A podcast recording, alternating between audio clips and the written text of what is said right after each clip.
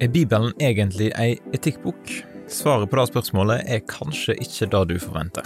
Lytt til dette aktuelle seminaret fra 2. mai 2022 i Misjonshuset i Kristiansand. Opptaket er fra en temakveld i serien Nærmere bibelundervisning for unge. Og Det er Bjørn Hinderaker, høgskolelektor ved NLA Høgskolen i Kristiansand, og medarbeider i Damaris Norge, som underviser. I starten av seminaret åpner Bjørn for eh, spørsmål fra salen og innspill til tematikken. Da har vi klippet vekk pga. at lyden ikke var bra nok, så hvis du syns at starten kanskje er litt rar, så er det rett og slett derfor. Men innholdet i det som eh, Bjørn underviser om, er så viktig og så bra at vi har lyst til å dele det her på podkasten til Damaris Norge. Setter du pris på podkasten vår og har lyst til å være med og bidra, så kan du gå inn på damaris.no og klikke på 'bidra' i menyen, så finner du ulike måter du kan støtte arbeidet til Damaris Norge på.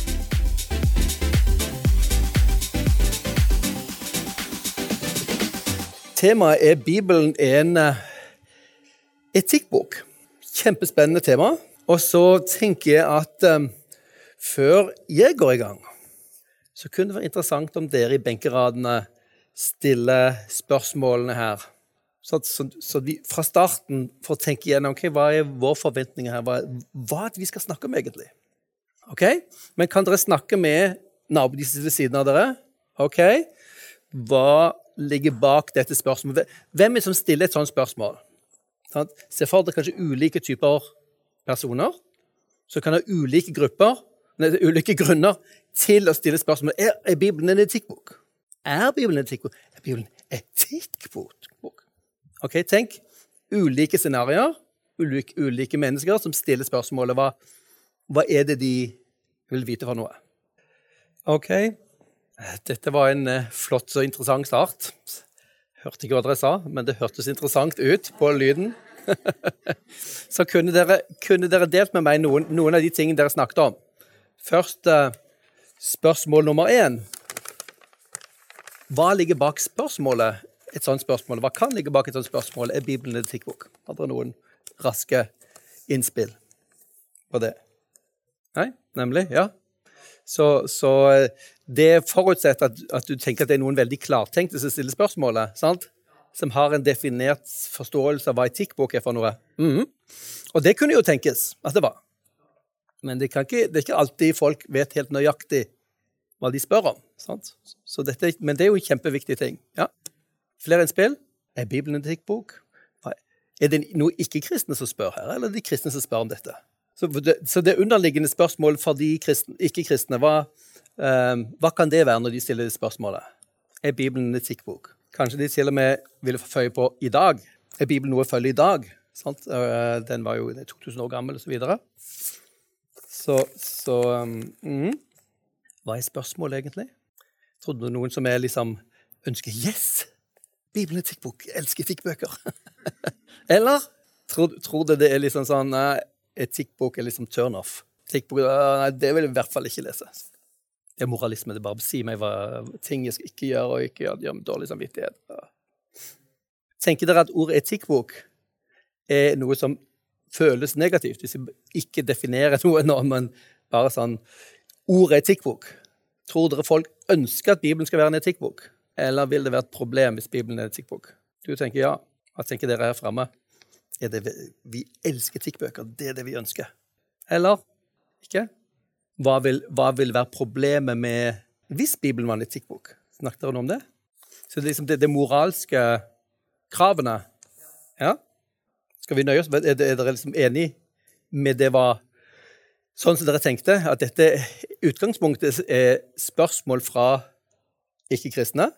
Det kan tenkes at det er spørsmål fra kristne. Sant? Er Bibelen etikkbok? Skal skal jeg søke i Bibelen for å finne veiledning?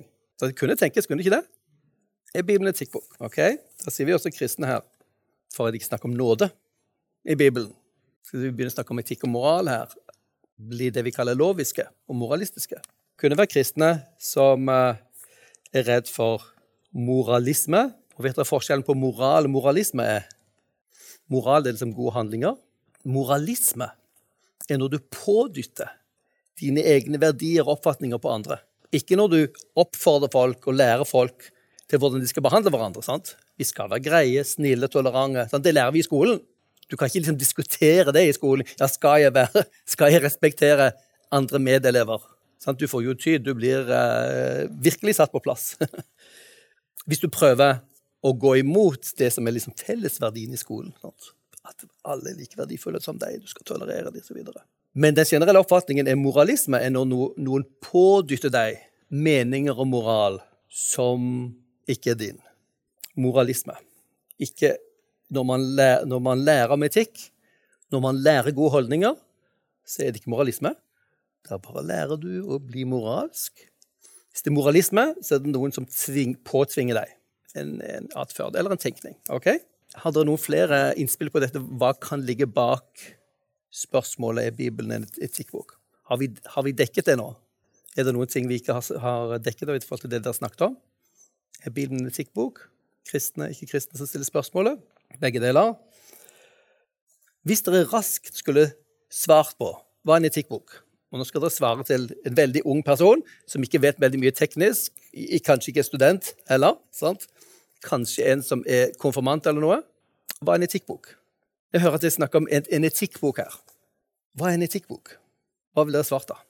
Bok om læren om rett og galt? Kunne vi føye på noe mer der?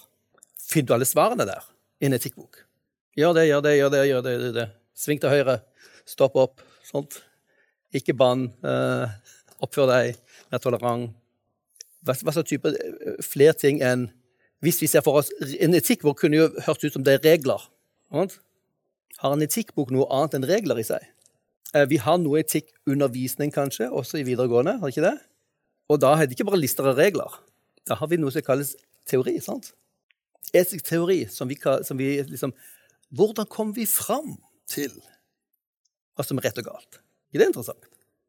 Én ting er hva som er rett og galt. Det kan du skrive opp som egentlig Norges lover, nesten. Eller som verdier. Og så kan du stille spørsmålet ja, hvordan kom vi fram til dette? Og det er spesielt aktuelt dersom vi ikke er helt enige. Hvis vi lever i et samfunn med mye stort mangfold, og vi har ikke de samme oppfatningene av virkeligheten, av mennesket, hva hva, hvorfor vi lever her, da er det ekstra viktig og interessant å stille spørsmål ja, men hvordan vet vi det? Hvorfor akkurat det er galt? Kan det være galt? Så Det kalles etisk teori. Vi skal få si, si litt om de.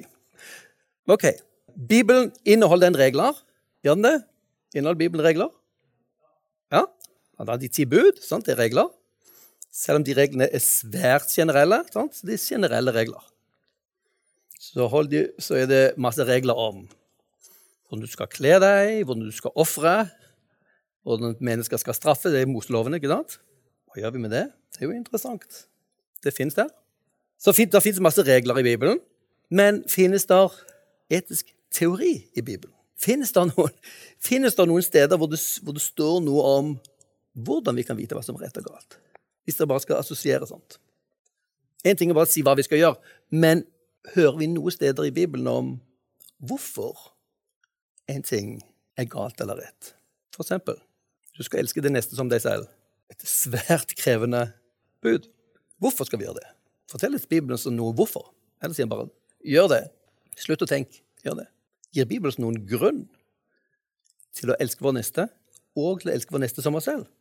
Hva sier han det? Det er vi egentlig inne i etisk teori. ikke sant? Hvordan kommer vi fram til den? Gir Bibelen noen, noen grunn til å elske vår neste. Så, så den kobler kjærligheten vår den er liksom mer sånn deskriptiv, for så vidt. Vi elsker fordi han elsket oss først. Forklare hvorfor vi er slik. Men til grunn ligger det jo også dette her med at eh, OK, hvis Gud er kjærlighet, så er kjærlighet det vi er skapt for. Dermed, hvis ikke vi lever i kjærlighet, hvis ikke vi elsker vår neste, så lever vi i konflikt med hvem vi er, og med virkeligheten og med Gud. Så kjærligheten er forklart, og, og, og, plikten til å elske vår neste henger sammen med hvem Gud er. Hvordan vi forstår Gud. Fordi Gud er Gud, fordi Han har elsket oss, så skal vi elske. Og Dermed blir det en plikt. Og det, det kan ikke si at det er en sånn veldig allmenn etisk teori, men det er svært, svært vesentlig i forhold til hvordan vi tenker, hvordan vi kommer fram til verdier. For veldig mange moderne mennesker så henger jo dette bare i løse luften. Du skal være snill og tolerant og grei. Hvorfor skal du det? Hvis livet dreier seg om å overleve, bli populær eller rik, realisere seg selv, hvorfor skal vi være snill og grei? For da kom du langt bak i køen. Hvorfor? Bibelen gir massevis av begrunnelser og refleksjoner om det. Eh, så det er en av, en av den kristne troens styrker vi skal se på. Så tenker jeg at det kan være nyttig å si OK, Bibelen er en etikkbok. Vi kunne sagt ja, de skal si ja, og dere skal si nei. Så har vi, har vi summet litt nå, så det får være nok akkurat for nå. Men du kan både si ja og nei. Sant? Du kan si Hvis vi begynner med nei, så er det jo det Bibelen er ikke en bok med regler. For det første er det jo ikke én bok. Det er jo 66 bøker med vidt forskjellige sjangre. Noen av disse bøkene er lovbøker. Noe har lover i seg. En bitte liten bit. Det nye Gamle testamentet også. Og mye av Det gamle testamentet gjelder jo ikke for oss kristne. Det gjaldt for Israel. Sånn så for Om det var lov så er det, ikke, er det ikke gjeldende lov for oss kristne. Sant? Så det er også på sett og vis nei. Du kan føye til at Bibelen i sin grunnform en fortelling. Det er jo mange bøker, men det er faktisk en sammenhengende fortelling om den ene Gud og hans historie med verden. En verden som gikk, som det gikk galt med, som menneskene gjorde opprør mot han. Men Gud ga ikke verden opp. Gud har fulgt og løpt etter oss som menneskehet. Begynte med et folk, sant? og vi så jo det også endte tragisk. Og så sendte han Jesus. Så dette er en fortelling om hva Gud har gjort for oss, ikke om hva vi skal gjøre. Og enda mindre en etikkbok eh, om hva du skal gjøre for å bli frelst. En god, del, en god del vil nok tenke om kristendommen at det dreier seg ok, skal du være kristen, så er du det fordi du vil komme til himmelen. Og de som kommer til himmelen, det er de snille. Så det gjelder å være snill. Gud er grei, du er grei, himmelen er for de greie. Um, og kristendom dreier seg om å være godt moralske mennesker. Det kan gjøre de, at de tenker at Bibelen Da må selvfølgelig Bibelen være en moral, moralsk eller etikkbok. For her skal jeg finne ut hvor, hvordan jeg skal oppføre meg for at jeg kommer til himmelen. Eller for ikke skal komme til det andre stedet. Så det er mange, på mange måter vi kan si nei til at Bibelen er en etikkbok. Men det går også an å si ja på mange vis. Sant? For vi har regler i Bibelen. Både i Gamle og Nye testamentet så er det oppfordringer. Der er sterke moralske det vi kaller formaninger. Det er jo en slags oppfordring om hvordan du skal leve, hvordan du skal handle. Eh, og det er fortsatt bud og regler som gjelder. Og det er advarsler knyttet til disse. Og vi vet når, eh, Det er jo en god del moderne menn som henviser til, til bergprekene. Sånn de er ikke så interessert i religion og sånt, men bergpreken, det er bra. Den støtter vi. Bergpreken er svovel. Den er beinhard. Sant? Den sier hvis du tenker om din neste La si til den neste 'din idiot'. Ja, det er du skyldig til helvetes ild. Du, du har gjort du har krenket det dypeste sant? hos et annet menneske. Det er, det, er det samme som, samme som drap. Det er der drapet kommer fra. Det er du som fortjener den eh, skjebnen som du egentlig dyttet andre mennesker inn i. Du er verdiløs. Du skulle ikke vært her. Ja, det er du som fortjener den dommen over deg selv. Så Jesus intensiverer de moralske kravene i Det gamle testamentet. Så eh, Bibelen er absolutt en etikkbok. Men det er ikke så veldig enkelt å få det på plass. Og vi gjør ofte feil her. Vi som er kristne, når vi vil undervise om etikk, så kan det være også vi blander dette med frelse og dette med livet som kristen. Vi blir ikke kristne av å leve sånn som Gud vil. Og det er en ganske viktig ting. Hvis vi nå går til hva som er en etikkbok, så her ser dere en lang liste med temaer. Og jeg underviser jo etikk på, på NLI-skolen for eh, journalister. Eh, og der har vi etikkbøker, spesielt for denne gruppen som driver med medier og journalistikk. Eh, og det er mange yrkesgrupper som har sine egne typer. Etiske profesjonsetikk, som politi, militære. Skulle ønsket at det russiske militæret hadde hatt litt mer etikkundervisning nå, for, nå om dagen. ok, så Men yrkesgrupper, sykepleiere, lærere, har ofte sin egen yrkesetikk. Hva er våre utfordringer? Sant? Hvordan skal vi være gode lærere? Hva er våre dilemmaer? Ok, Så en etikkbok har med seg nesten alltid en definisjon av hva etikk er for noe. Og bare for å sørge for at vi har definert dette nå når vi snakker om dette Så ordet etikk og moral er jo egentlig gresk og latin for akkurat samme tingen på de to språkene. Det betyr skikk og sed. Det folk gjorde, det som hører til kulturen, det at du passer inn og sånt. Det at du oppfører deg skikkelig. Sant? Skikk. Vi bruker, Som moderne mennesker så bruker vi eh, forskjellen her med etikk er ofte teorien, læren om rett og galt, mens moralen er ofte oppførselen. Så du kan godt si at ok, etikken hans er god. Altså han underviste, han kunne mye om etiske teorier, men moralen hans er forkastelig. Han, han behandles som ingenting. Okay? Eh, etikk brukes ofte som teori, hvordan vi tenker om dette, hvordan vi begrunner, og moralen om, eh, om oppførselen. Så må etikken kunne forklare hva etikkens grunnlag er. For hvorfor skal vi handle slik eller slik? det er et spesielt moderne, eh, problem for moderne mennesker som har koblet seg fra den gamle tradisjonen i, i, eh, fra middelalderen, hvor kristen tro, kultur og filosofi ble viklet sammen, hvor, hvor, eh, hvor, det var helt oppklart, eh, helt klart og opplagt hvorfor man skulle oppføre seg. Jo, det fantes en gud. Han har en moralsk vilje. Du må leve etter hans bud og hans vilje, selv om man diskuterte hvilke, hvordan de skulle forstås. Moderne mennesker har koblet fra Gud fra etikken og da må de finne ut mm, hvorfor skal jeg da oppføre meg?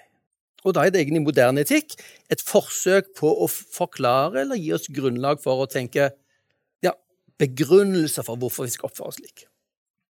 Og mange av de er for så vidt gode forsøk, men hvis du er litt kynisk, så kan du stille kritiske spørsmål så tingene ramler sammen. For hvorfor skal jeg behandle mennesker sånn som jeg selv vil bli behandlet? Det er veldig logisk for så vidt en, logisk eh, formaning. Oppfordring eller bud. Men hvis jeg er Djengis Khan, eller hvis jeg er Vladimir Putin og har makt, og ingen har rett til å si meg imot, hvorfor skal jeg høre på deg, du som står i veien for meg? Du som kritiserer meg. Hvorfor? Veldig mye av den moderne etiske teorien forutsetter at vi er mennesker av god vilje. Vi er egentlig enige. Vi er enige om at vi er verdifulle. Vi er til og med like verdifulle. Men det er da filosofer nå som utfordrer veldig hardt. Menneskeverdet, sier de. Menneskeverdet er en idé som ikke kan forsvares logisk eller vitenskapelig. Den mest kjente etikeren, kanskje den viktigste nålevende filosofen i dag, heter Peter Singer. Han er av jødisk avstamming, men han er veldig klart ateist selv. Han sier, og mange ateister med han, sier menneskeverdet en religiøs idé. Det er en idé som kommer fra Bibelen, som sier mennesket skapt i Guds bilde. Derfor har vi verdi. Det er som stempel på, på et mynt. Mynten er ikke verdifull fordi den veier noe. Det er ikke metallet. Det er stempelet. Sant? Vår verdi kommer ikke fra vekten, hvordan vi ser ut, sant? men fra stempelet vårt. Uansett alder, uansett funksjonsevne, uansett hvor mye du produserer eller ikke, så har du samme verdi som alle andre. Og du har absolutt verdi. Det er en verdi som ingen kan ta fra deg. Men det er en religiøs idé. I det øyeblikket du tar vekk Gud og sier at ja, alle mennesker er verdifulle og har lik verdi, så vil jeg spørre meg hvorfor det, da? Hvorfor i alle dager det? Alt du kan måle vitenskapelig, er forskjell. Vi har ulik intelligens, vi har ulik hårfarge. Alt du kan måle oss imellom, er ulikt. Så hva gir oss lik verdi? Og Peter Singer han sier vi må forkaste den ideen. Fordi den er religiøs, så må vi finne noe annet. Han bruker intelligens eller fornuft som den nye valutaen. Vår evne til å tenke vår selvbevissthet. Så når du blir født, har du ikke noe selvbevissthet. Det er bare du og mamma. Sant? Og et, når du blir kanskje ett år, så begynner du å få en bevissthet om å være et selv, å være noe annet enn din mor. Da begynner du å få verdi. Og så sier han at um, det, å, det å gi mennesker en absolutt verdi det diskriminerer dyrene. De løfter mennesket opp der og sier nei, du kan, ikke, du kan ikke spise de på sykehjemmet, men du kan spise de som står på fjøset. kuene. Er det noe logikk i at begge er biologiske vesener? Og kanskje til og med hun på sykehjemmet har alzheimer, så hennes bevissthet er lavere enn dagros på fjøset. Si det helt alvorlig. Så vår verdi stiger og synker med vår evne til refleksjon. Det er der du kommer når du velger å koble deg fra tanken på Gud. Ingen forankring, fordi verdiene vi tar som en selvfølge i vår tid. Du hører det fra flere og flere eh, nå, eh, at dette med menneskeverdet det er, ikke, det er ikke så opplagt. Hvordan forankres etikk i livssyn? Det er en interessant spørsmål. Eh, det er vi spesielt opptatt av på, på NLA-høgskolen. Hvordan våre livssyn, ateistiske og kristne panteistiske, om du vil, hvordan de fungerer sammen med etikken. Hvordan ting forankres eller utfordres. Hvilke ting våre livssyn kan gi rom for, eller hvilke ting som måtte nektes for i, i livssynet. Så har vi det som kalles etiske teorier, som jeg sier litt om et lite øyeblikk. Og så har vi etiske verdier, normer, plikter og lover. Journalister må følge, følge Vær varsom-plakaten, og så har de Norges lover. Og så har de sine egne standarder. Okay, de, Det er et eget tema. Um, etiske temaområder og dilemmaer. Abort er et temaområde. Eutanasi er et temaområde. Hvordan behandler vi kilder som journalister? Det er et temaområde. Uh, hva kan vi publisere som vi kan risikere å skade folk? Sant? Det er et temaområde også for journalister. Så Yrkesetikk. Og så har vi det som vi kaller etiske modeller. Vi har forslag på hvilke elementer trenger du ha med i refleksjonen fram til en konklusjon. Du har et problem her. Skal jeg som journalist eh, velge å, være, eh, å, gå inn anonymt uten at de vet hvem jeg er? Da bryter de egentlig inn av standardene her. Og da finner jeg ut informasjon uten at de vet at jeg er journalist, og henter informasjon. Kan jeg forsvare det? Det må de diskutere i forhold til uh, sine fremgangsmåter. Og så er det etiske modeller som tenker ok, hvilke elementer må du ha. Du må ha lovverket, du må ha idealene her, du må ha en refleksjon over hva alternativene dine. Kunne du finne denne informasjonen på annet vis? Eh, undergrave dette deg som journalist eller din avis. Og så kan du komme fram til en konklusjon på slutten. Det, kaller, det kan vi kalle etiske modeller for refleksjon. La meg nå bare helt raskt ta, ta oss til de etiske teoriene. Og dere kan ha vært borte, borti disse i eh, videregående. For det er veldig nyttig å vite ulike måter å nærme seg hvorfor en ting er galt. Og Poenget her er at det, det ikke bare er én av disse som er riktig, men vi som kristne egentlig, vi kan, vi kan bruke de finner alle disse i Bibelen. Den vanligste måten å tenke, tenke om etikk på er pliktetikk. Dette skal du gjøre. Se på Bibelen som en rekke bud. Du skal ikke stjele, du skal ikke drepe osv. Vi har hatt denne serien nå nettopp om, om eh, Skeptikerens guide til de ti bud, for vi prøver å forklare relevansen av dette. her. Eh, til og med de ti bud er jo for det jødiske folk. Vi holder jo ikke sabbatsbud i dag. Så dette er tegn på at ok, de ti bud som ti bud kan du ikke direkte overføre på kristne, men vi finner alle de ni bud bortsett fra sabbatsbudet gjentatt i Nytestamentet, som bekrefter de. Ok, det er grunnen. Så vi har plikter. Hvis de går forut for handlingen, så kan vi snakke om noe som heter sinnelagsetikk. At det er ikke bare handlingen din som betyr noe, men også sinnelaget ditt og holdningen. Kommer dere på noen eksempler i eh, Bibelen på at sinnelag betyr noe? Har dere noen Betyr det bare akkurat hva du gjør, eller betyr din holdning noe? Kom dere på noen eksempler, fortelling eller utsagn? Hva med dine, den teksten du nevnte, med å elske hverandre? Det dreier seg ikke bare om handlinger, men det er også om holdninger. ikke sant? Bibelens uh, språk om kjærlighet dreier seg ikke om følelser. Sant? Det er som holdninger og handlinger. Um, så den kristne bibelske etikken dreier seg både om sinnelaget ditt. Sant? Hva er motiv, dine motiver? Og Der er jo egentlig det Bibelen som stikker dypt ned i hjertet vårt og avslører oss. ikke sant? At selv når vi oppfører oss godt, så er det veldig ofte av rene egoistiske årsaker. Sant? Og da er jo ikke våre gode handlinger noe som egentlig tilsier at vi er gode mennesker, men som egentlig bare en tildekning av hvem vi egentlig er på bunnen. Vi er egoister.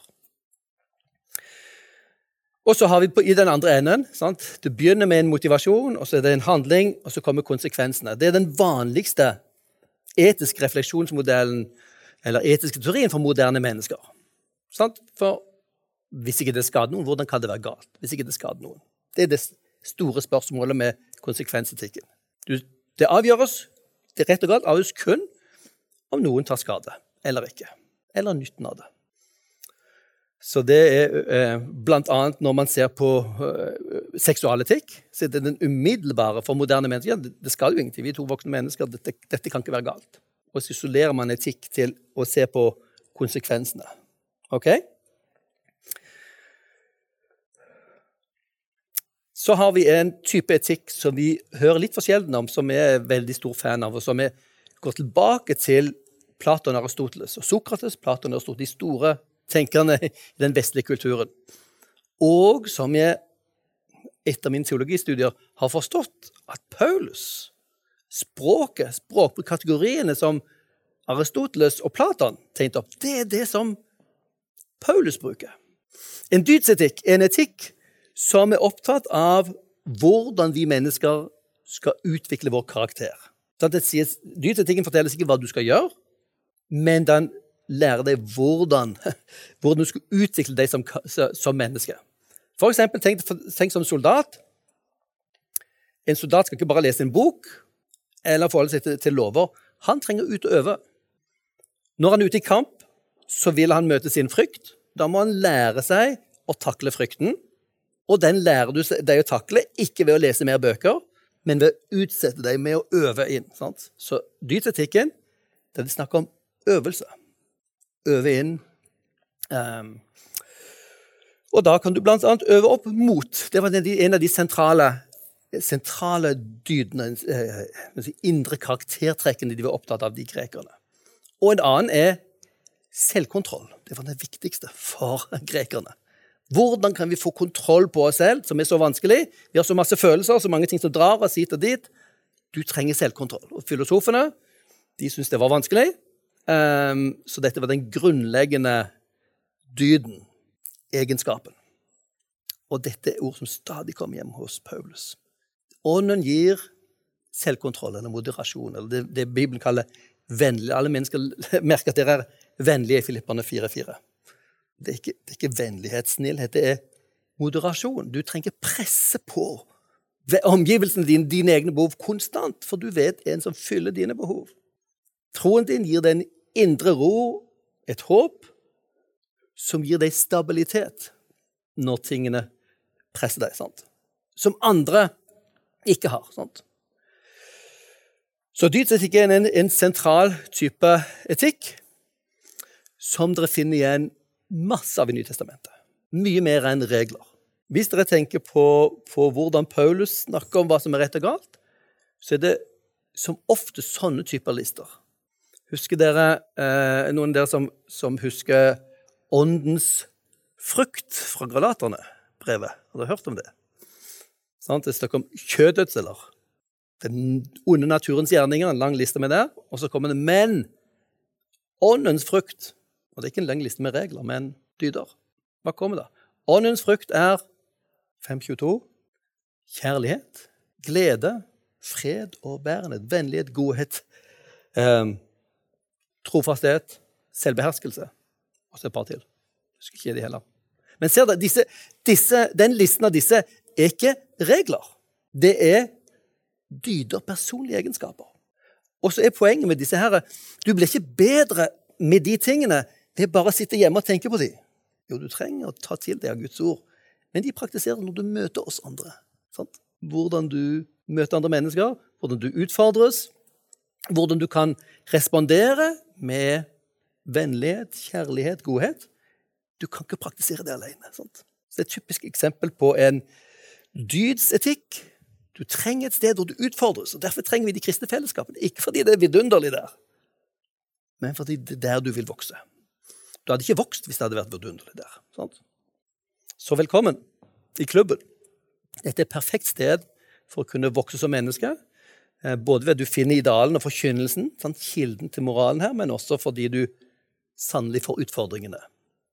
Så akkurat som en soldat vokser i mot og kompetanse ved å utsette seg for farlige situasjoner, og så må tenke klart og gjøre de kloke beslutningene, så vokser også vår evne til kjærlighet, glede, fred, overbærenhet, vennlighet, godhet, tro, troskap, tålsomhet og selvbeherskelse. Gjennom at vi møter vanskeligheter i livet, og så finner måter å takle dem på. Så Det er dydsetikken som vi trenger å gjenoppdage og se at det er fantastisk her Paulus følger i fotsporene fra Platon, Aristoteles og, og, og Sokrates. Som sier det viktigste i livet er hvilket menneske du blir. Ikke utseendet. Faktisk ikke intelligensen din heller. Det er mye viktigere din, din moralske karakter. Det er det som er viktig. Og Det er det vi ser hos Paulus. Så kommer Paulus med noen grensesetninger og regler innimellom, men det store bildet er faktisk dydsetikken som eh, hjelper oss til eh, Ja, så det er to eh, etiske teorier vi ikke skal si så mye om. Det kalles diskursetikken, en moderne etikk av, utviklet bl.a. av filosofen Jørgen Habermas, som utvikler en teori om rett og galt ut fra diskurs, vår samtale. For at en samtale og for at demokrati skal kunne fungere, så er vi nødt til å kunne snakke sammen. Hvilke ting må til for at den samtalen skal kunne fungere? Jo, vi må være ærlige og sannferdige. Vi må alle ha lov til å si noe. Og så setter han opp flere sånne eh, kriterier for hva som er god samtale, hva som er etisk måte å snakke på. Diskursetikken, som skal være en standard ikke minst for, for, for politikk og medier. Hvordan snakker vi med, eh, med hverandre og om hverandre? Jo, du trenger disse forutsetningene hvor alle mennesker er like eh, og eh, like verdifulle. Du skal lytte på argumentene. Du må være ærlig, osv. Hadde moderne journalistikk fungert etter diskursetikken, så hadde landet vårt sett mye bedre ut. Hvor hele, noe sentrum eller målet med diskursetikken er at la alltid det beste argumentet vinne. Ikke dine forutsetninger, ikke dine synsinger, men hva som er det beste argumentet. Um, og Det er sjelden at journalistikken tar høyde for. Det er mye følelser, emosjoner og, sånt, og posisjoner. Og så er det en moderne teori som heter nærhetsetikk, mm, av en eh, dansk filosof, um, som sa at etikken Etikken kom ikke fra utenifra, fra en lov eller regel eller fra vår fornuft, som, som, eh, som Immanuel Kant sa. Heller ikke fra Gud, strengt tatt. Vet dere hvordan vi møter moralen? og etikken. Vi møter den gjennom å møte et annet menneske. Når vi ser et barn, så møter vi en umiddelbar impuls om å ivareta dette barnet. Før vi har reflektert over ja, er dette forsvarlig, er det en riktig handling å ta barnet opp og trøste det. Sant? Vi har impulsene til å ivareta hverandre. Den kommer ikke ovenifra. Den kommer fra relasjonene. Den er bygd inn i oss som relasjonelle vesener. Vi holder livene hverandres liv i vår hånd. Sant? Vi er sårbare. Når vi møter hverandre, så kan vi krenke og såre hverandre. Og vi må, være, vi må være våkne for det ansvaret. Nærhetsetikken er bevissthet om hvordan, um, hvordan vi kan uh, såre og krenke mennesker som er nær oss. Etikken dukker opp i nærheten, og der dukker ansvaret vårt opp. Nærhetsetikken forteller oss ikke hvordan vi skal behandle hverandre, men er bare en bevisstgjøring om at når du har med andre mennesker å gjøre, tenk en pasient, så er det mennesket sårbart. Hvis du er en lærer, eleven din er sårbar for hvordan du behandler den, hvordan du overser mennesket, hvordan du møter spørsmålene. Sant? Eh, det er nærhetsetikken, om bevisstheten om den andres ansikt. Egentlig kan du si at den er en slags filosofisk formulering av det kristne menneskesynet. Sant? Vår tilværelse er moralsk. Gud har skapt oss. Det gir mening, det. Vi er skapt i Guds bilde. Vi kan sense moralsk hva som skjer, og så vet vi også når vi bryter det. Eller mange ganger når vi bryter det, vet at vi bryter det. OK. La oss eh, litt, grann, litt grann videre før vi tar en pause. Det som, det som um, um, jeg vil si helt kort noe om nå, er at Bibelen er ikke en etikkbok. Bibelen er ikke en regelbok. Bibelen i sitt grunnvesen er en fortelling. Men det dere må huske, er at enhver fortelling bærer med seg en moral. Så når dere leser eventyrene for deres barn og deres barnebarn, så henger det alltid med noen verdier. Hvem er skurk, og hvem er helt her? Hvem er trollet? Hvem er Espen Askeladd? Hva er det de gjør? Hvilke handlinger er det vi ser opp til? Hvilke er det handlinger vi må for all del unnvære? sant? Disse fortellingene vi har i livet, og film og TV og TV-serier, sånn som vi ser, de har alltid med seg verdier. Og de har med seg også fortelling fortelling, levemåte og tankesystem. Alle de aspekter av det vi kan kalle livssyn. Så har de med seg disse tingene her. Verdier. Det er som et isfjell. Vi ser livspraksisen på toppen. Det, vi ser hvordan folk handler, vi ser hva folk sier for noe.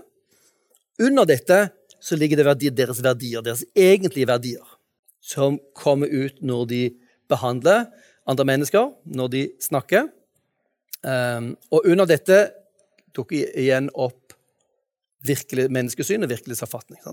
Hvordan behandle dine medmennesker er et uttrykk for ditt menneskesyn. Men dessverre er, er, det ofte sånn at vi kristne ikke behandler mennesker sånn som vi skulle, etter det kristne menneskesynet, men det forstyrres av vårt ego. Sant? Manglende um, evne til å leve ut dette livssynet vårt. Og så kan vi føye til på bunnen av et verst livssyn så ligger det tro. Og um, alle har et slags tro.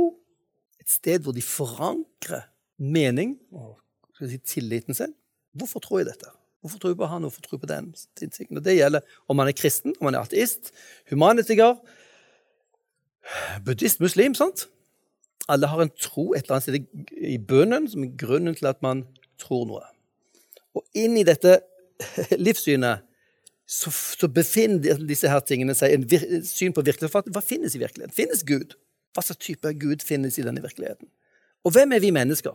Og Det er selvfølgelig en av de viktigste tingene et livssyn må svare på. Og Interessant nok så ser du på humanismens menneskesyn, den moderne sekulærhumanistens menneskesyn, det som skulle være det mest sentrale for de mennesker, det har de problemer med liksom å komme til rette med. Ja, mennesket er et naturprodukt, vi er egentlig et dyr. For det fins bare natur. Så vi mennesker er natur. Og så sier de likevel ja, men mennesket er over naturen, for vi har jo moralsans. Men sa du ikke det var bare natur her? Sånt.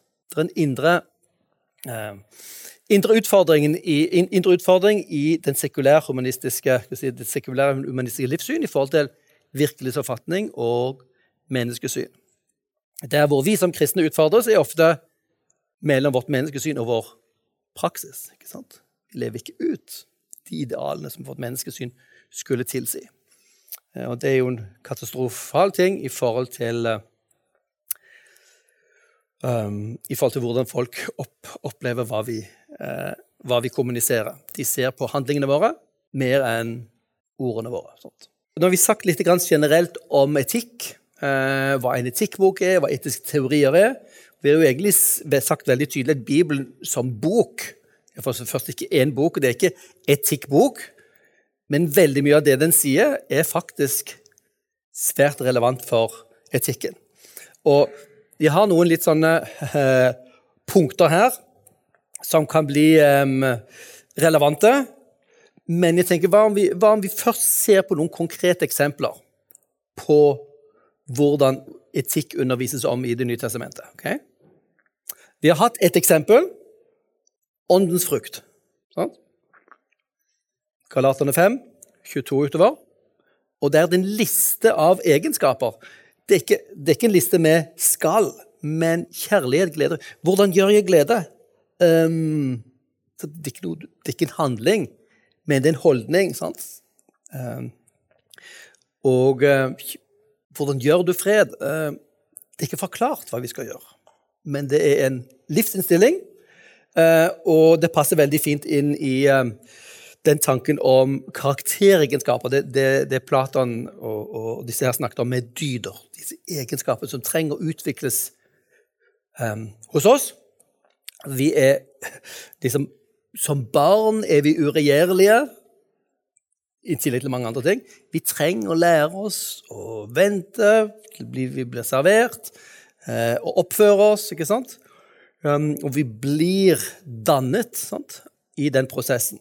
Eh, og det er mye av Paulus sin etikk. Hvis vi tar f.eks.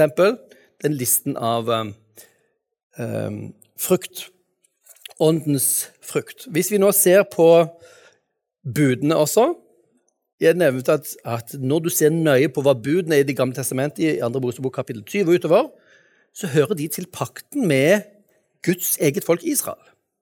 Og Der inngår tempelet, der inngår ofringer, der inngår måter du skal spise på, kjøtt du skal spise og ikke spise. Blant annet bacon må du la være. Sånn, så det er en heftig ting å skulle bli en ordentlig jøde. Men det gjelder ikke oss kristne. Og det var en kjempelang prosess for de første kristne.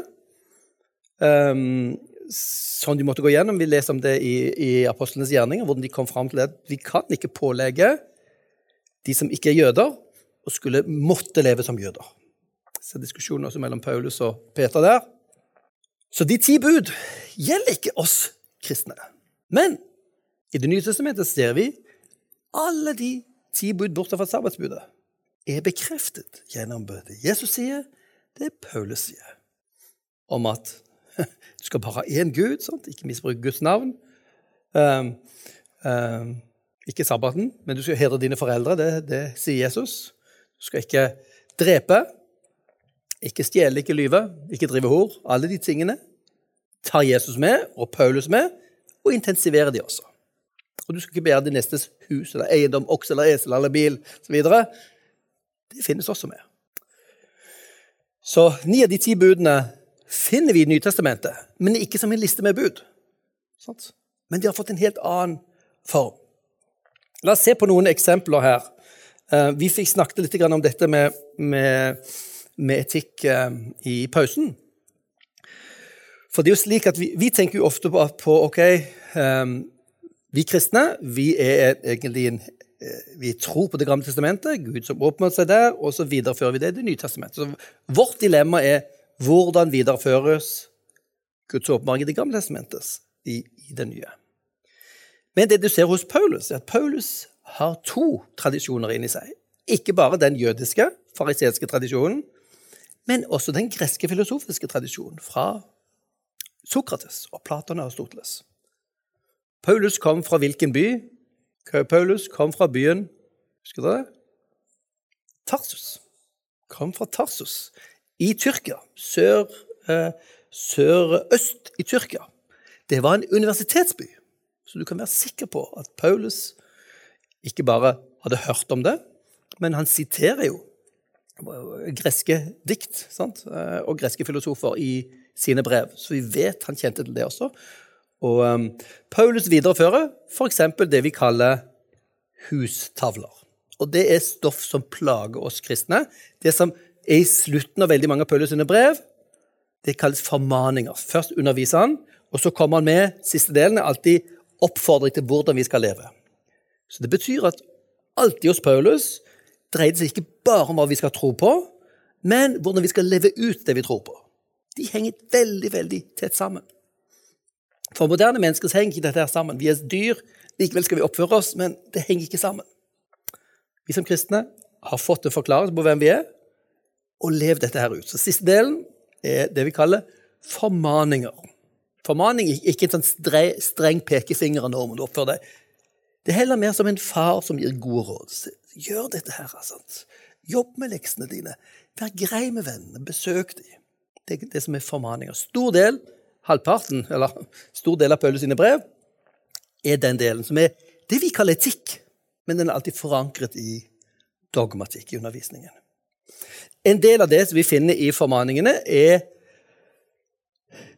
lyder sånn Dere um, dere kvinner, underordne dere under deres menn. Har dere hørt den? Dere barn, vær lydige mot deres foreldre. Dere tjenere, eller dere slaver, det er samme ordet. Sant? Dere tjenere, vær lydige mot deres herrer. Dere har hørt de? Paulus sier mye mer enn det. det. Det som jeg nevnte nå, det er samme listen som Aristoteles har. Det Paulus gjør, han tar denne listen med tar ulike grupper i huset. Derfor kalles det hustavle. Det er sånn som dere har i barnehagen. sant? Det første vi gjør nei, kanskje første klasse Hvilke regler skal gjelde her? Jo, læreren skal være sånn, og hvem, hvem skal være sånn. Sant? Så du tegner opp hvem, hvem i husstanden skal oppføre seg hvordan. Aristoteles så var det viktig å vite hvem som var på toppen. Hvem som var sjefen. Og det viktige var at alle gjorde som sjefen sa. Hva skjer når Paulus overtar dette? her? Du hører ingenting om at alle skal være lydige mot faren i huset. Du hører kvinner, dere skal respektere deres menn. Og så kommer det noe som Aristoteles aldri ville sagt eller tenkt på. Dere menn, dere skal elske deres koner, slik som Kristus elsket sin menighet og ga seg selv for den. Sånn. Mye tøffere krav for mennene. sant? Og til og med andre steder så står det at dere skal underordne dere under hverandre. Ikke nødvendigvis en sånn en hierarkisk, men underordne dere under hverandre, tjene hverandre. Det sier han også til menighetene. Ok? Kvinner skal innordne seg og være lydige og respektere, men mennene de skal tjene sine koner som Kristus og gi sitt liv for dem. Barn, vær lydige mot foreldrene, men dere foreldre, vær forsiktige så ikke dere terger de eller presser de for hardt. Det fantes ikke hos Aristoteles. Sant? Så Aristoteles gjelder forme og presse, forme presse et barn til å bli akkurat sånn som du vil. Her er det en sensitivitet til barn har også behov. Og Som foreldre så kan du krenke og tråkke på et barn. Og det har du ikke rett til. Også barna er en del av Guds rike og Guds folk. Tjenere, dere skal lyde deres herrer. Og så kommer det Paulus sier. Dere herrer, de som altså eier disse slavene, dere skal ivareta dem. Husk, de er deres brødre, deres søsken i troen. Sant? Eh, og det dere har selv, en herre, dere som er herrer, og dere vet at han er herre også over disse. Så det relativiserer det som var den viktige skillene i, i det romerske kultur. Sant? Mellom være fri borger og slave, mann og kvinne, foreldre og barn. Disse skillene ble plutselig borte når det gjelder status. Ikke når det gjelder samfunnsrolle, men når det gjelder status. Så dere ser, Paulus han tar noe som er i kulturen, og så tar han i det til menighet, og så snur han ting opp ned. Ok, Lydighet og respekt er viktig, men den andre veien.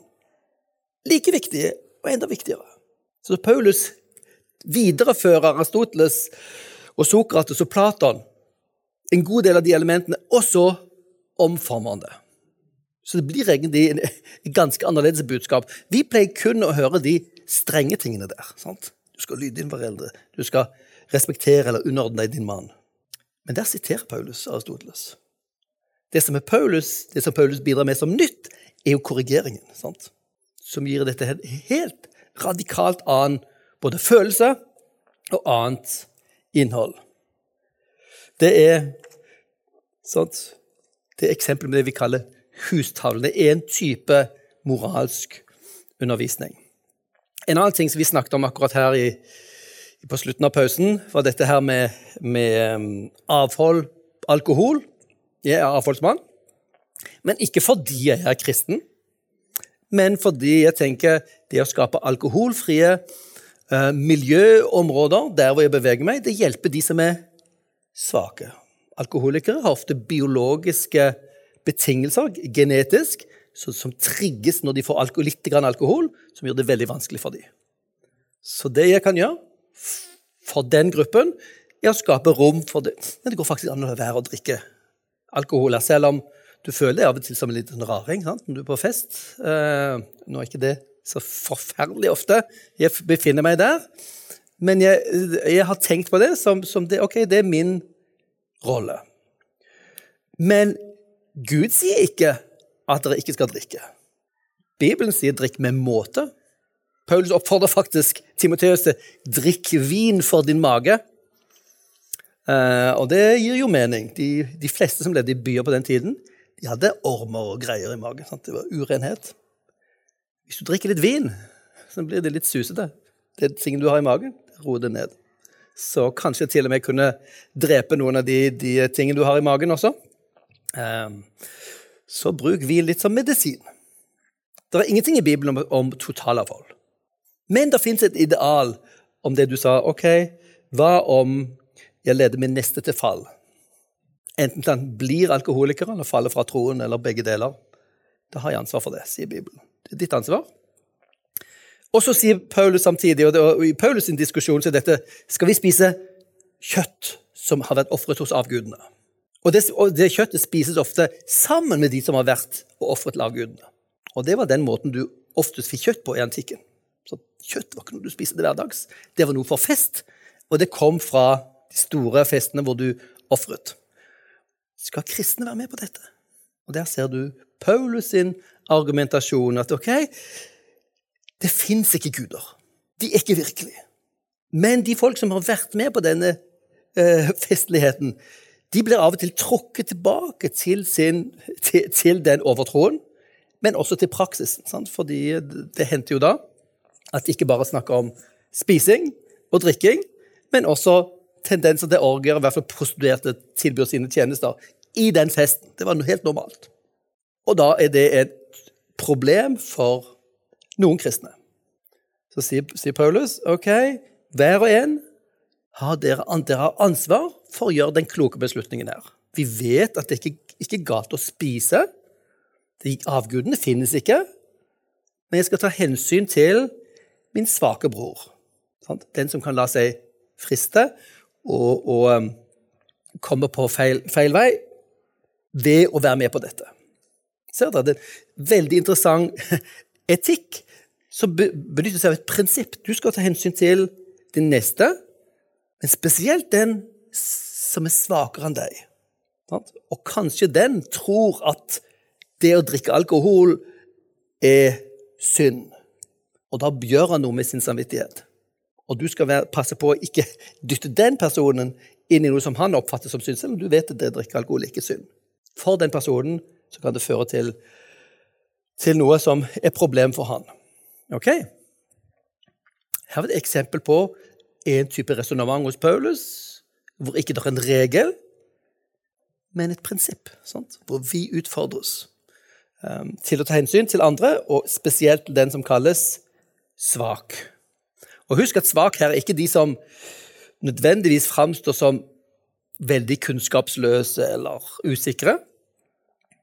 De svake i denne, i denne diskusjonen var for de som hadde veldig bastante meninger, klare teologiske meninger om dette er til avgudene. Avgudene er avgudsdyrkelse. Vi må holde oss unna. De hadde veldig klare ideer.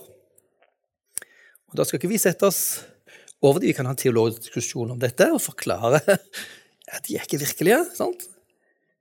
Men for mange mennesker er de virkelige mentalt sett og kan være en fristelse. Og Derfor må vi ta hensyn til det for våre medmennesker sjøl. Vi må vel nesten berøre også spørsmålet spørsmål om seksualitet.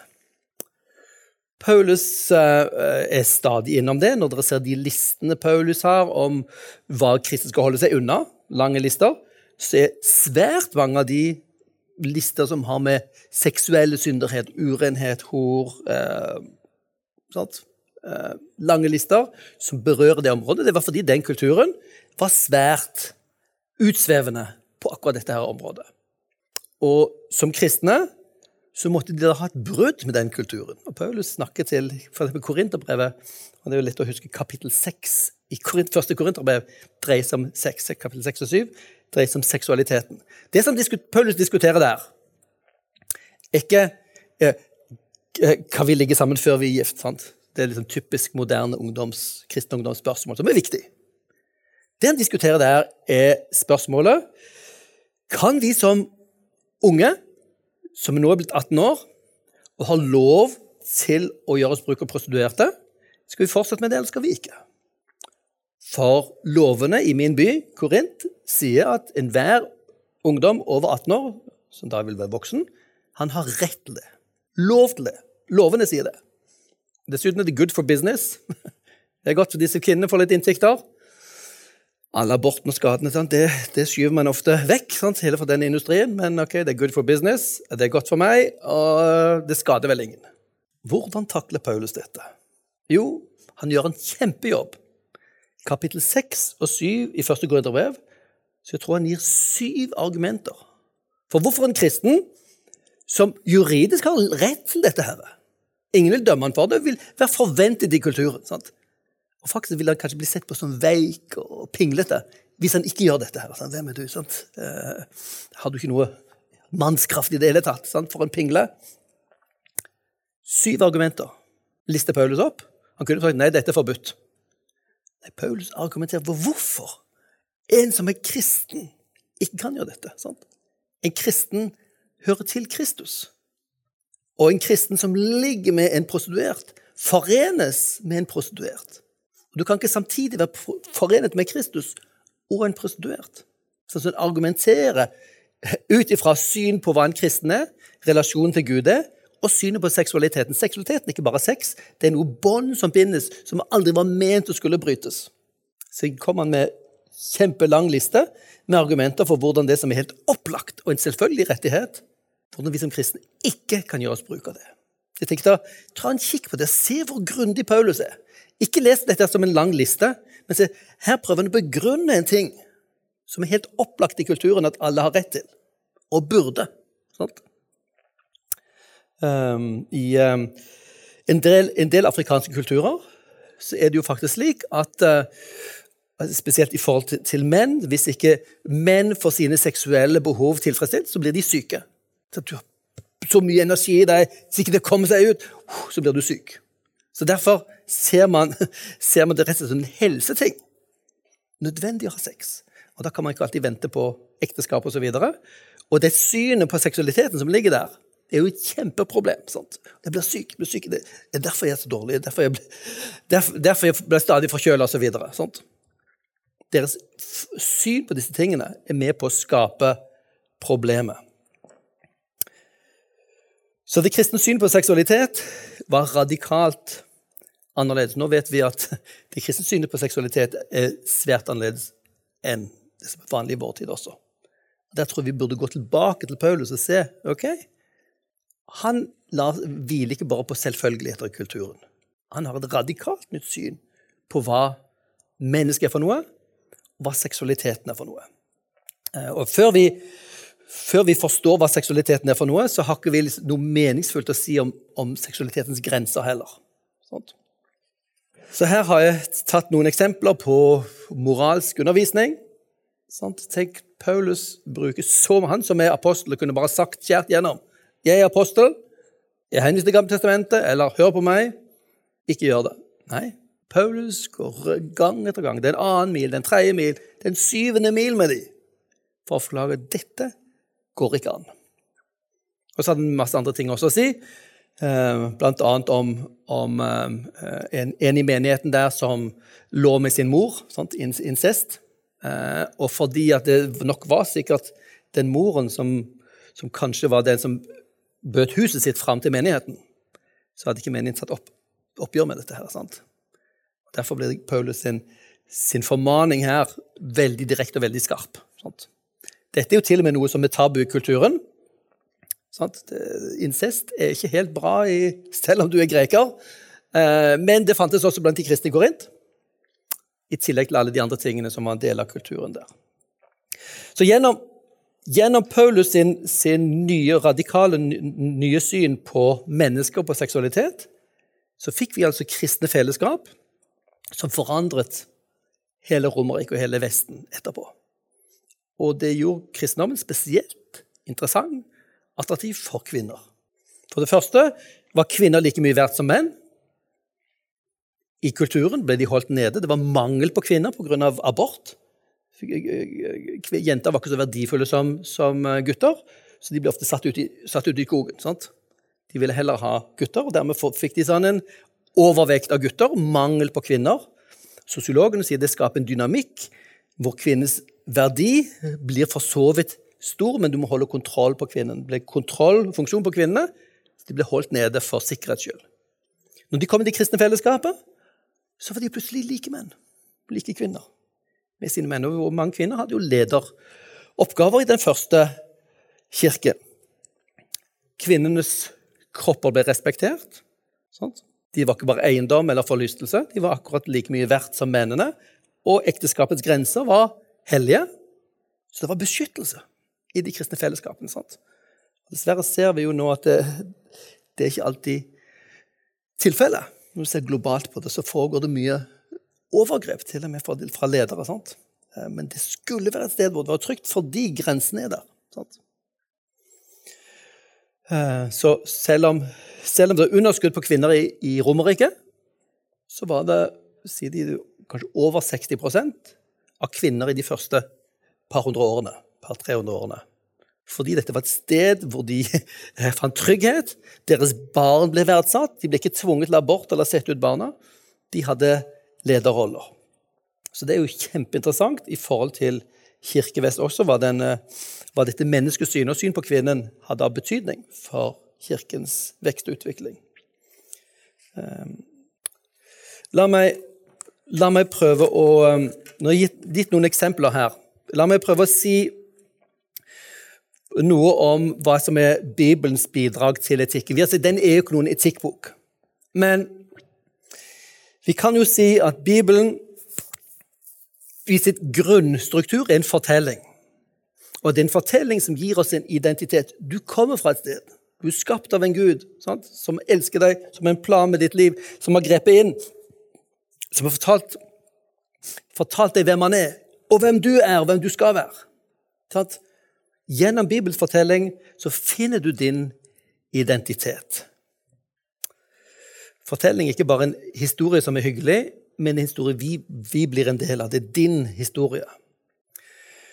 Bibelens menneskesyn er helt unikt i det historien. Mennesket er skapt i Guds bilde. Det fins eksempel på, på, den stoiske filosofien som ligner litt. For alle mennesker hadde fornuften logos i seg. Til og med slaver hadde del av dette guddommelige i seg og hadde dermed en slags verdi. Men Bibelens Bibelens eh, uttrykk om mennesket som Guds bilde er det som har overlevd i den vestlige kulturen, som er grunnlag for vårt syn på alle mennesker verdifulle og like verdifulle. Interessant nå når vi eh, er i ferd med å gå inn i en diskusjon om abort igjen. sant? Eh, tvillingabort ble diskutert for noen år siden her nå, og folk hisset skrekkelig opp fordi at en del kristne var imot det. Ikke bare kristne, men det er sånn det ble fremstilt eh, og som om noen ville frata noen en rettighet. Men her er det snakk om, om å abortere altså helt friske, eh, levedyktige barn fordi man vil ha én istedenfor to, eh, som heller ikke var lovlig i resten av Europa. Til og med diskutere det ble da forsøkt kvelt. Nå er det en diskusjon om å endre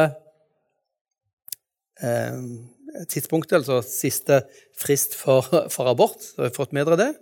Flyttet det fra 12. til 18. uke. Noen partier har også foreslått 22. uke.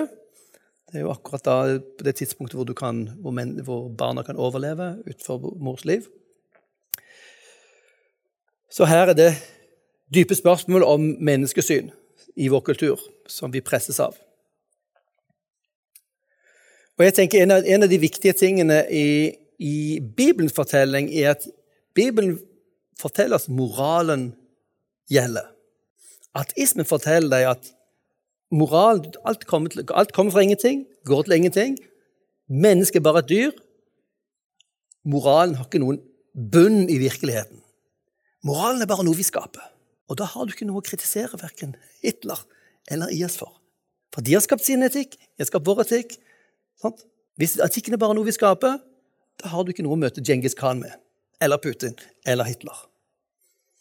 Den kristne eh, etikken forteller oss at moralen er ikke noe vi har skapt, det er noe vi oppdager. Den er en del av virkeligheten, og den gjelder. Og så må vi ha med oss at eh, ok, den kristne, Bibelens fortelling bekrefter jo at moralen er viktig. Samtidig så er ofte den kristne elementer av den kristne eh, etikken i konflikt med kulturen om oss, omkring oss. Om syn på Gud, menneskeliv, seksualiteten, blant annet. Um, la meg gå litt raskt videre nå, for nå vil jeg over på um, på Bibel. Um, hvis vi tar for oss Romerbrevet, så skal vi lande i kapittel 5 så er det er liksom det nærmeste vi kommer en, en troslære. Og hvis vi starter med Romerne 1 her, så starter Paulus med at alle mennesker vet at det finnes en eller annen gud. Vi har en moralsk instinkt, en moralsk sans. Og Romerne 1 eh, sier at menneskers intuisjon en bekreftelse av virkeligheten. Moralen finnes der. Eh, og Derfor har vi religion, menneskers bilder av Gud. Sant? Derfor har vi moral. Vi er skapt med moralsk sans. Det bekrefter også vår intuisjon at det er noe galt med verden. Mennesker anklager hverandre, og dermed seg selv. Paulus kommer opp i starten av rombrevet med en lang liste om, om ting mennesker gjør. Sant? De kunne vite hvem Gud er, men istedenfor å ære Gud som den han er, så tilber de alle slags rare dyr og slanger og reptiler. Og, sånt. De skifter ut den evige Gud med lave ting. De kunne visst det, men likevel velger de å gjøre det. Og det samme skjer med moralen. Se, når de bytter ut Gud med dyrene, hva skjer med hvordan de tenker å leve? Sant? Jo, du ser disse tingene utvikler seg, som, som Paulus, bruk, Paulus, bruker her også begrepene fra, fra eh, Aristoteles om hva som er naturlig. Det bytter ut det naturlige, som er naturlig heterofil seksualitet, med unaturlig. Som er andre former av seksualitet som ikke passer inn under den. Um, og så ser vi at mennesker vet at det er noe galt med verden, og det at de krangler med hverandre og anklager hverandre, er egentlig en innrømmelse. I det øyeblikk du anklager noen, så forutsetter det finnes en universell lov, eller en lov, som de bryter. Og poenget er at faktisk du sjøl står inn under den. Paulus bruker romerne, tre kapitler i rombrevet for å fortelle at sånn eh, Alle mennesker har den moralsansen. Alle mennesker har vi sviktet selv vår egen moralsans. Ok, Vi har sviktet Guds lov, den er hellig. Men til og med den loven vi sjøl har funnet på, bryter vi. Så galt den var. Ting vi kunne vite, har vi oversett og sett bort ifra. Og så holder vi sannheten nede, som, som Paulus sier så. Og så går han over til å si, ja, og dere som nå sitter godt dere, dere er jøder, dere har Guds lov. Dere tenker at dere har tingene i orden. Sier han, ja, men hva med dere, da? Dere har fått Guds lov, men lever dere etter han? Nei, dere gjør ikke det. Dere bryter Guds lov. Og så kom Paulus med lister av ondskap og egoisme som også preger de religiøse. Og så kommer konklusjonen vi er alle skyldige. Også du er i konflikt med universet. Hvis Gud har skapt universet med moral, du senser det, og til og med i måten du snakker om det på, så erkjenner du at dette er noe virkelig. Og så er det når du tenker at ok, du sjøl er i konflikt med universet og universets lovgiver og hersker. Dette er nesten en del av det vi kan kalle naturlig åpenbaring, som Paulus kobler seg på. Menneskers evne til å tenke rundt moral, menneskers måte å snakke om moral, forutsetter det. Det er en slags moral i universet.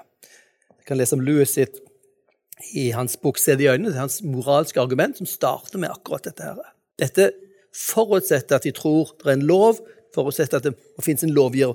Hvem er den lovgiveren? Når vi innser det må finnes en lov, hvis vi reflekterer over det, så ser vi at vi til slutt selv faktisk står i konflikt med denne lovgiveren. Derfor har ikke vi så veldig lyst til å lete etter han. Hvis vi vet at vi er i konflikt med han, så burde vi helst finne på noe eget. Da lager vi en egen religion. Det passer bedre. Og så snakker Paulus om det radikale Gud kommer med i slutten av Romerbrevet 3.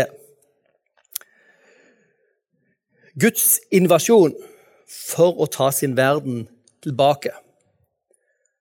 Vi skal ikke bare tenke på Guds frelse, som Gud gjør en eller annen ting, drar oss ut og så bringer oss til en annen verden. Nei, det som, det som Gud gjør, han kommer til sin verden. Sier 'dette er min'. Så vi må tenke nå at vi er i Ukraina. Er da, vi er på okkupert område. Det er en fiendtlig makt som har tatt over oss. Sant? I Ukraina er jo befolkningen veldig sterkt imot i de eh, invaderende styrkene. Sant? Men det som er i vår verden, at det er så mange som er alliert med kreftene imot Gud. Og vi alle har egentlig vært på kompromiss med det. Så når, Gud kommer til verden, når Jesus kommer til oss, så sier OK, dette er mitt. Du er min. Hva gjør du med det? Jeg har skapt deg. Jeg elsker deg. Jeg skal gjøre noe for deg nå som får verden til å måpe. Hva vil du gjøre med det? Gud invaderer sin verden og stiller oss på valg og utfordrer oss til å velge side. Så Merk dere her nå, vi er et moralsk univers. Dette moralske universet tvinger oss egentlig til en konklusjon om vi har et problem. Kristne snakker om vi er syndere. Sant? Moderne mennesker forstår ikke hva det betyr. det ordet. Sant? Men vi er i konflikt, grunnleggende konflikt med dype moralske sannheter. Og mennesker vet det dypt i seg selv, men det er vanskelig å slippe det opp til overflaten. Hva er Guds radikale løsning? Og det er her vi ser moralen og etikken ligge inni hele pakken her. Guds radikale løsning er ikke å gi OK, dere vet de ti bud her, nå skal dere få ti nye bud. Enda bedre. sånn? Budene hjalp ikke. Guds lov, som var fullkommen, som ble gitt gjennom Moses, fullkommen for sin tid, for sin hensikt, eh, den hjalp ikke de. Så da bruker Paulus en del begreper her. I Romerne 3, 23. Hva er det Gud gjør når han skal vinne verden tilbake? Verden er moralsk, man har skapt den. Den er hans. Utfordres til å, oss til å ta et, ta et, valg, gjøre et valg. Hva gjør vi med han?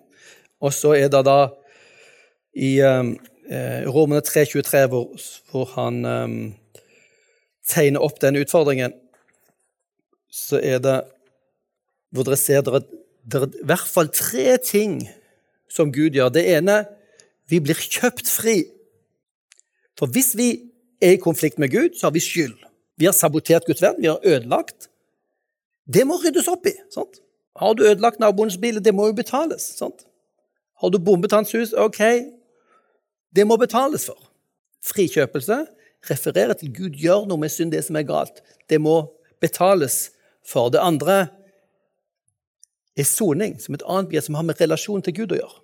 Gud reparerer relasjonen til seg selv ved å sone for synden, eh, ved å gjøre betaling.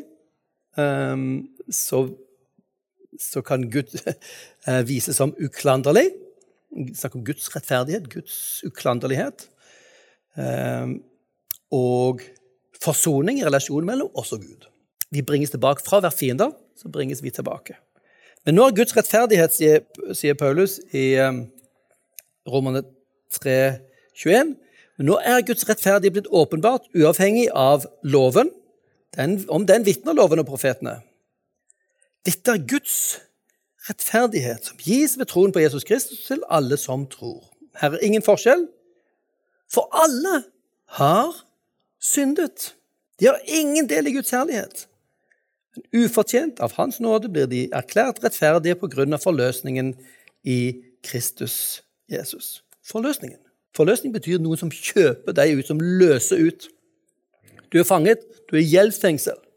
Du er en slave. Så kommer Jesus på slavemarkedet, kjøper deg fri. Det er det ene. Forløsningen i Kristus Jesus. Ham har Gud stilt synlig fram for at han skulle ved sitt eget behov være et soneoffer. Aha! Et soneoffer. Gud trenger et offer. Hans vrede er reell. Sant? Hvis ikke vi er opprørt over hva som skjer nå i Ukraina Ok, det er noe galt med oss. sant? Gud er opprørt over ondskapen. Og et offer er en ting som soner, dvs. Si som en som for, formilder Guds vrede. Han har Gud stilt synlig fram for at han ved sitt eget blod skulle være et sonoffer for dem som tror. Slik ville Gud vise sin rettferdighet. For tidligere hadde han i sin tålmod båret over med syndene som var begått, men i vår tid vil han vise sin rettferdighet. Både at han selv er rettferdig, og at han kler den rettferdige som tror på Jesus. Så gjennom dette radikale inngrepet, som, som, det er en fortelling om historie, moralen i historien den finnes i universet. Og den er et problem for oss. Og Jesus griper inn. Sant? Jesus inngrep er løsningen på dette problemet, sånn som det er blitt beskrevet. Både det tar, skylden vår, det soner for Guds vrede, og det forsoner oss med, eh, med Gud. Bringer oss tilbake til relasjonen til Gud. La meg, la meg avslutte med å uh, lese kapittel, kapittel 4 er Abrahams tro. Da går, går Paul tilbake og sier men Abraham, hva med, hva med Moseloven? og Hvis du kan bli rettferdig bare ved troen, hva da med Moses? Så sier nei, men Det er jo Abraham som er troens far. Abraham ble rettferdig før han hadde Moseloven. Så dette vi forteller dere nå, er det som går tilbake til Abraham. Og så kommer han til OK. Guds løsning er for at ene at Gud har gjort noe objektivt ut forbi deg. Før han spurte deg, har han gjort dette. Den andre delen av løsningen er at Gud inviterer deg inn i noe nytt. Sånn? Så poenget her er, er, å tenke at det er ikke bare sånn Gud har frelst meg, og så er, ligger det der. Men Gud inviterer meg igjen. Gud, Guds invasjon er ment på alvor. Når du velger parti, så velger du også livs, eh, livsledsager. Sånt. Guds radikale løsning, del to. Et liv forsonet med Gud. Og La oss nå se La oss se nå hva en kristen har som en følge av dette radikale inngrepet. Jo, da vi altså er blitt rettferdige ved tro Paulus sier ok, hvis du tror på Jesus, så blir du regnet som uskyldig, ren, fullkommen på grunn av det offeret. Og det er liksom det oppgjør for din moralske svikt. Det er det som er fortellingen her. Og du blir sett på som fullkommen fra Guds sett. Vi er rettferdige ved tro. Og hva har vi da? Jo, vi har fred med Gud. Vi trenger ikke lenger løpe fra Gud. Vi trenger ikke lenger prøve å skape freden. Vi eier en fred med Gud ved vår Herre Jesus Kristus. Det er Jesus som har skapt denne freden. Den var ikke der fra før, for vi var fiender. Og så hva i tillegg til fred? Jo, har, gjennom ham har vi også ved troen fått adgang til den nåde vi står i. Det å være kristen og det, det liksom levde moralske livet det dreier seg ikke bare om å være fullkommen, selv om vi inviteres til det også, å være hellige, men en nåde som vi står i. Nåden er ikke bare en ting du tilgivelse du får en gang. Nåden er et stort rom som følger deg. Du står der.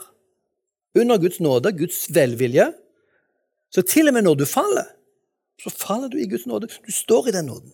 Sant? Det er noe kontinuerlig, sant? i motsetning til hvordan de jødene var Ofringa skjer i tempelet, hvor du må ofre, så er du tilgitt, og så er du tilbake til det gamle liv. Du må stadig ha en ofring. Vi står konstant i en nåde. Det har vi tilgang til. Og vi er stolte over håpet om Guds herlighet. en del av denne fortellingen er at en gang så blir det slutten på historien, og her, uh, her vil da det endelige regnskap bli synlig. Det er ære eller skam, herlighet eller ødeleggelse. Vi er stolte om håpet om Guds herlighet. En som er kristen, har et håp der framme. Og det gjør jo kjempeforskjell i forhold til, hvordan, i forhold til etikken vår. Sant? Hvis vi tenker ok, det å gjøre de rette moralske handlingene her ah, det betyr ikke noe. Hvis du vet jo, fortellingen din er der, du har et håp, det gir en mening, sant? så hjelper det deg svært i livet.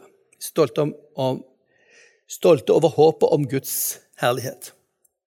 Det mest pinlige i antikken var å være en del av et folk eller en gruppe som det gikk galt med. Her sier dere en del av et folk, en gruppe, som har store løfter. Sånn, Romerriket, det var svært, og det ramla sammen etter en stund. Det er forferdelig pinlig. Dere kan være stolte, for dette kom ikke til å ramle sammen. Ja, ikke bare det har vi, ikke bare har vi håpet om herlighet. Vi skal se Jesus i hans herlighet. Vi skal se den, eh, det store. Vi er stolte også over lidelsene.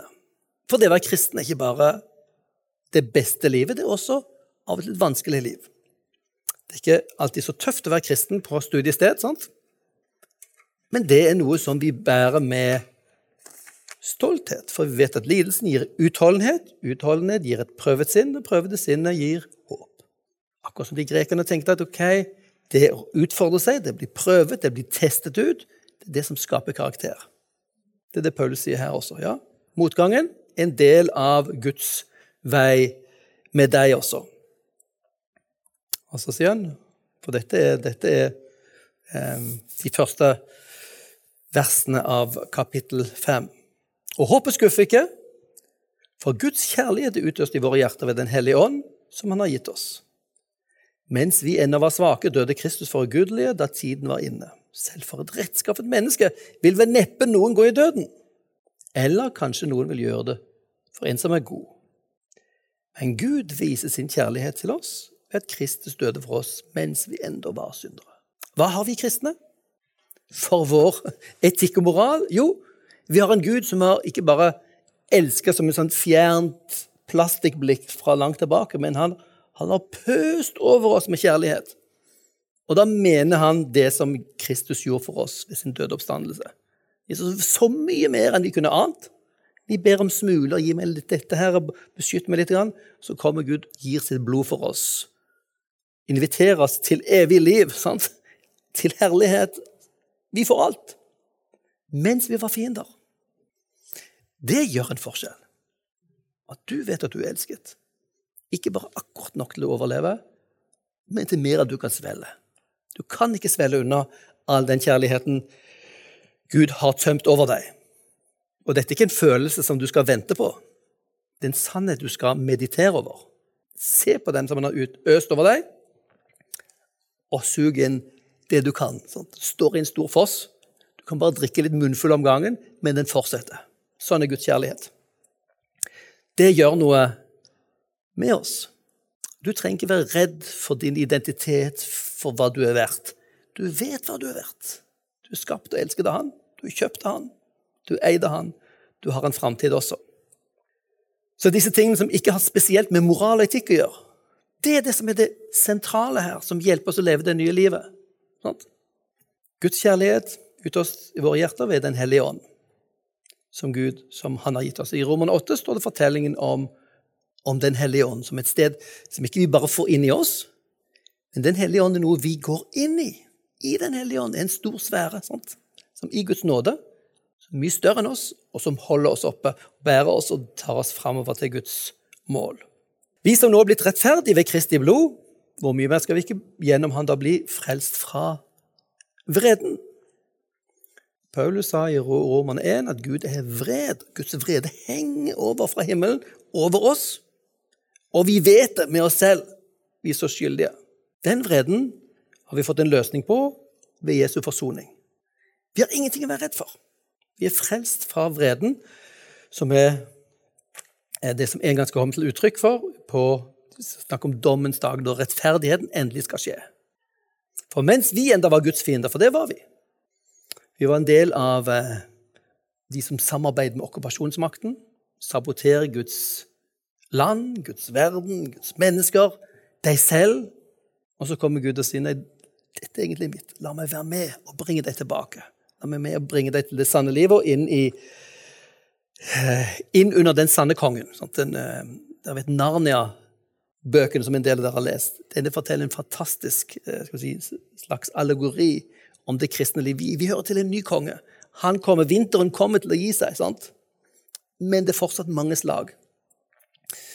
Um, mens enda vi var Guds fiender, ble vi forsonet med ham gjennom hans sønns død. Når vi er forsonet, hvor mye mer skal vi ikke da bli frelst ved hans liv? Jesus døde for oss og betalte så mye han kan gi. Men Jesus lever også i dag. Så det gjelder ikke bare før. Men fordi han lever i dag og går i forbønn for dere, selvfølgelig kan han føre dere helt fram. Sånt. Enda mer enn det første startpunktet. Ja, ikke bare det, vi har også vår stolthet i Gud. Det er vår Herre Jesus Kristus, han som har gitt oss forsoningen. Så jeg tenker i forhold til Bibelen som etikkbok, så er ikke det viktigste hvilke moralske verdier som gis her. Men sentrum her at ok, verden er moralsk. Gud har skapt det. Vi senser det. Våre medmennesker senser det. Dere ser den sterke moralske alvor som finnes rundt omkring i samfunnet. Folk er opprørt. sant? Ofte de opprørt hva kristne også står for, men de er moralsk opprørt. Og det er en del av samvittigheten sant? Um, som Gud har lagt ned i mennesket. Vi senser at det er noe som moralsk riktig moralsk galt. Og det Gud har gjort, er ikke bare gitt oss flere regler. Han har brakt oss inn under seg, sier dette er mitt herredømme. Bli min. Lev min sannhet. Lev mitt rike. Sant? Følg meg. Så det, det, vi har et nytt liv. Vi har, ikke, vi har ikke en ny etikk, egentlig. Vi har et nytt liv. Og når Jesus sier 'følg meg', så er det ikke liksom bare de der lange fotsporene og altfor krevende, men det er 'følg med meg' det betyr. Bli med meg. Lær av meg. Se på meg. Len deg på meg. Bær sammen med meg. Eh, og det, er en del av det å være i Guds rike og i ånden eh, og i nåden. Og jeg tenker Det er et fantastisk budskap om etikk og moral. Det er ikke moralisme. Dette er å komme tilbake og oppdage hvem du er, og den løsningen Gud har gitt på ditt sentrale moralske problem som menneske. Du trenger ikke leve for å skjule alt hvem du er. Gud har sett det. Og Gud har forsont deg med han, og kaller inn til et nytt liv med Guds framtid. Så kunne vi lest uh, tekster om hvordan dette livet skal leves, For Paulus sier ta av dere de klærne, ta på dere de. Og dette er den fortellingen om invasjonen. Okay? Nå er det en ny uniform som gjelder. Dere lever fortsatt i okkupert land, men det er nytt antrekk. Så kle dere for det. Ikke endre følelsene deres, det går ikke. Men endre på noen av de vanene, sant? noen av de handlemønstrene, handlingsmønstrene og holdningene som kom fra motstanderen. Skifter ut med det nye. Så blir vi altså med i det livet forsonet med Gud, inn i Guds framtid.